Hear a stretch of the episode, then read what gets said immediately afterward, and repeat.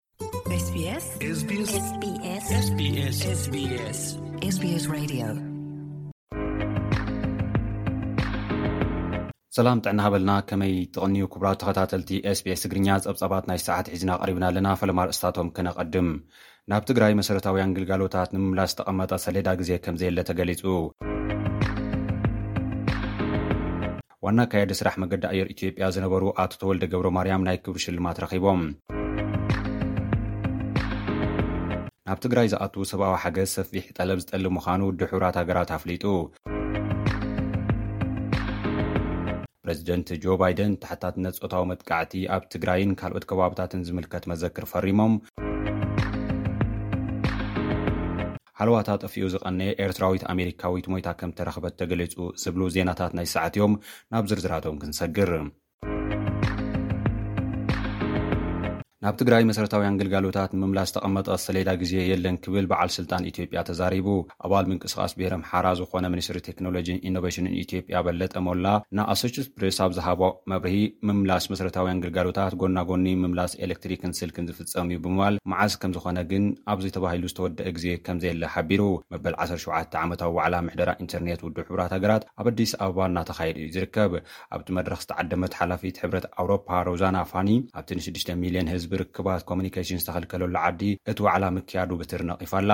ኣብ ሚኒስትሪ ጉዳያት ወፃኢ ኣሜሪካ ኣምባሳደር ጉዳያት ፀጥታን ኢንተርኔትን ዲጂታላዊ ፖሊሲን ናትናኤል ፊክ ናብ ኣዲስ ኣበባ ዝኣተወ ኮይኑ ኣብቲ መድረኽ ኣብ ድሕነትን ምትእምማንን ከምኡ እውን ሓለዋ መሰል ውልቃውነት መደረ ከስምዕ መደብ ከም ዝወፀሉ እውን ተሓቢሩ ኣሎ።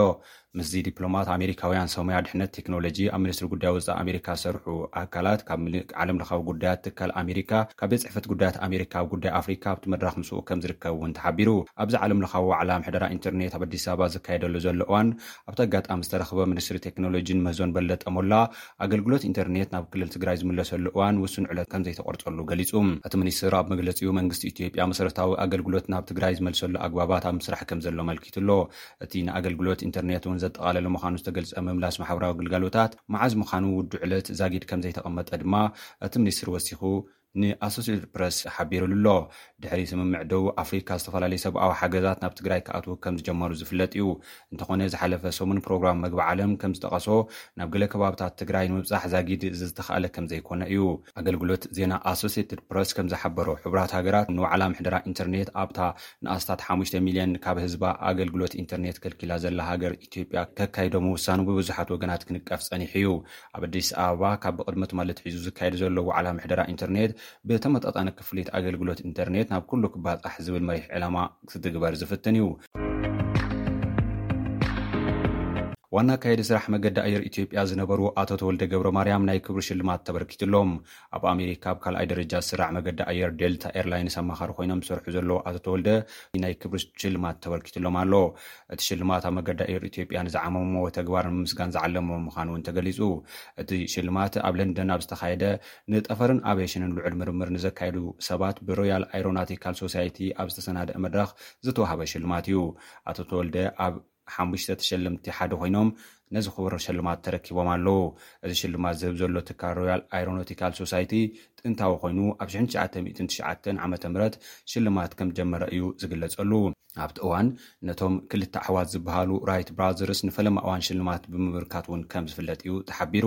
ኣቶ ተወልደ ገብረማርያም ኣብ ኣሜሪካ ኣብ ካልኣይ ደረጃ ዝስራሕ መገዲ ኣየር ዴልታ ኤርላይንስ ኣማኻሪ ኮይኖም ዝሰርሑ ዘለዉ ኮይኖም ዘማኸርዎ መገዲ ኣየር ኣብ ዓለም ሳልሳይ ደረጃ ዝሕዝ ኮይኑ ሽሕን ክልተ ሚእትን ነፈርቲ ዘለውኦ ኣብ ዓመት ልዕሊ ክልተ ሚእቲ ሚልየን ገያሾ ዘመላልስ ዓመታዊ ኣርባዕተ ነጥቢ ሽዱሽተ ቢልየን ዶላር ኣታዊ ዝረክብ መገዲ ኣየር እዩ ተባሂሉ።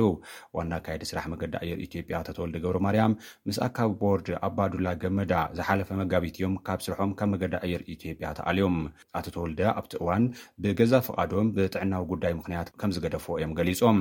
ዋና ፈፃሚ ስራሕ መገዲ ኣየር ኢትዮጵያ ኾይኖም ንዝሓለፉ ዓሰርተ ሓደ ዓመታት ዘገልገሉ ኣቶ ተወልደ ገብረማርያም ንልዕሊ ሰላሳ ዓመታት ኣብቲ ትካል ከምዝፀንሑ ፀብፃባት ይሕብሩ።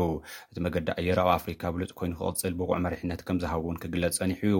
ኣይተ ተወልደ ገብረማርያም ጎና ጎኒ'ቲ ብሉፅ ስርሖም፣ መገዲ ኣየር ኢትዮጵያ ኣብ ኲናት ትግራይ ብዝፀንሖ ምጉዓዝ ኣፅዋርን ወተሃደራትን ክንቀፉ ከምዝፀንሑ እውን ዝፍለጥ እዩ። ናብ ትግራይ ዝኣቱ ሰብኣዊ ሓገዝ ምምሕያሻት እኳ እንተተርኣዩ ምስ ዘሎ ጭቡጥ ኩነታት ጠለብ ከምዝሓትት ውድብ ሕቡራት ሃገራት ኣፍሊጡ።